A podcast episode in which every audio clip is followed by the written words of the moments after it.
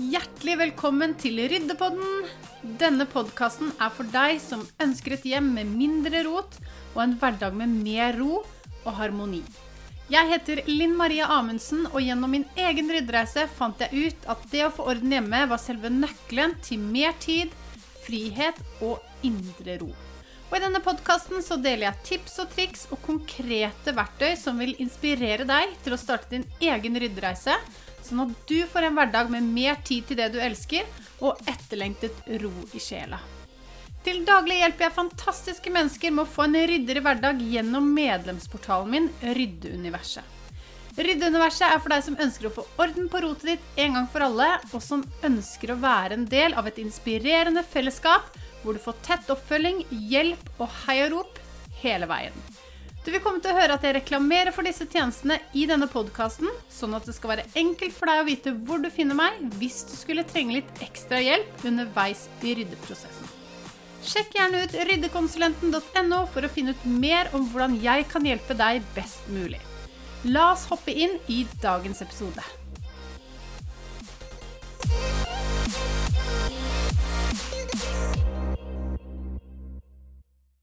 Velkommen til dagens episode av Ryddepodden. I dag skal vi snakke om et tema som høres ganske dystert ut, men som absolutt ikke er det. Vi skal snakke om dødsrydding. Dødsrydding det handler egentlig bare om å rydde ut av hjemmet før du dør. Og så er det jo ikke nødvendigvis sånn at vi har lyst til å sitte og tenke på døden.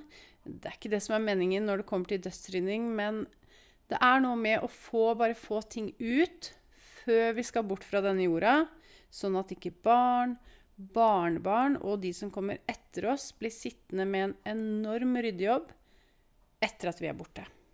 Jeg husker jeg så en tegning på Facebook en gang av en far og en sønn som står utenfor garasjen til faren. Og den garasjen er fullstappet fra gulv til tak med rot, hvorpå faren sier en dag vil alt dette bli ditt. Og det var jo på mange måter et humoristisk bilde, så man må jo på en måte le litt av det. Men samtidig så er det jo alvor i det også, fordi vi har ofte stappa fulle boder, stappa fulle loft, stappa fulle garasjer. Og hvis vi ikke tar tak i dette selv, så må noen andre gjøre det. Og da blir det jo sannsynligvis de som på en måte kommer etter oss. Og da er spørsmålet har du lyst til at noen skal arve rotet ditt. Eh, fordi det å skulle arve denne byrden, det er ikke så veldig stas.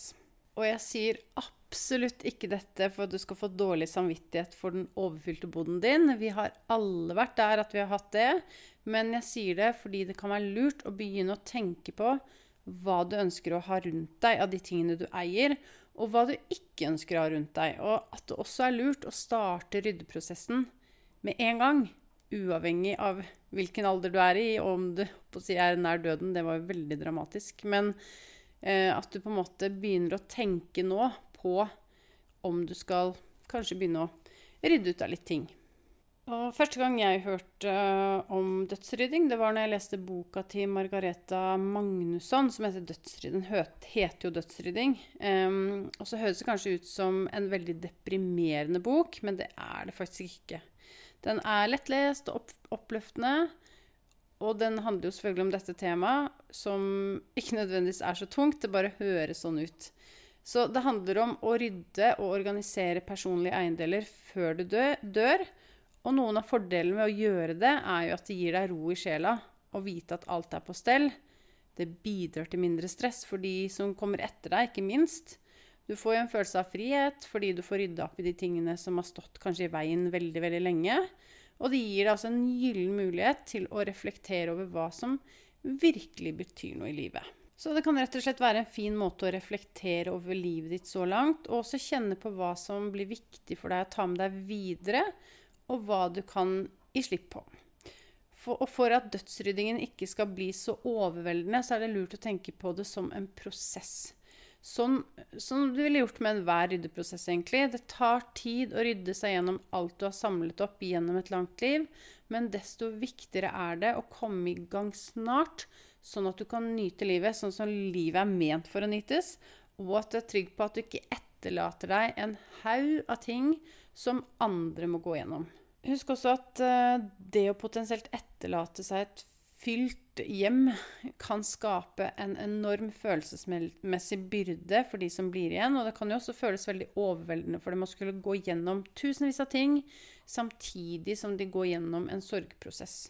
Og det er heller ikke så lett for de, altså for de som skal gå gjennom tingene, å vite hva som har vært viktig for deg, og hva som ikke har betydd like mye. Og Her føler du ofte en skyldfølelse og en redsel også, for å kvitte seg med ting som kanskje har vært viktig for deg. Og da er det lett å få litt dårlig samvittighet. Så istedenfor å på en måte videreføre alt man har um, samlet på over årene som har gått, så kan det være fint å bare begynne å rydde unna, sånn at du ikke liksom nedarver dette, eller at noen andre arver dette av deg, da.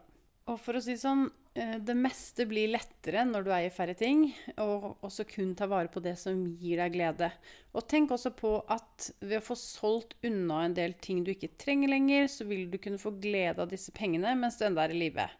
Og du vil også kanskje kjenne på en, eller du vil kjenne på en lettelse og en frihet, fordi det å leve et enklere liv med færre ting øker eh, livskvaliteten, og det føles utrolig befriende.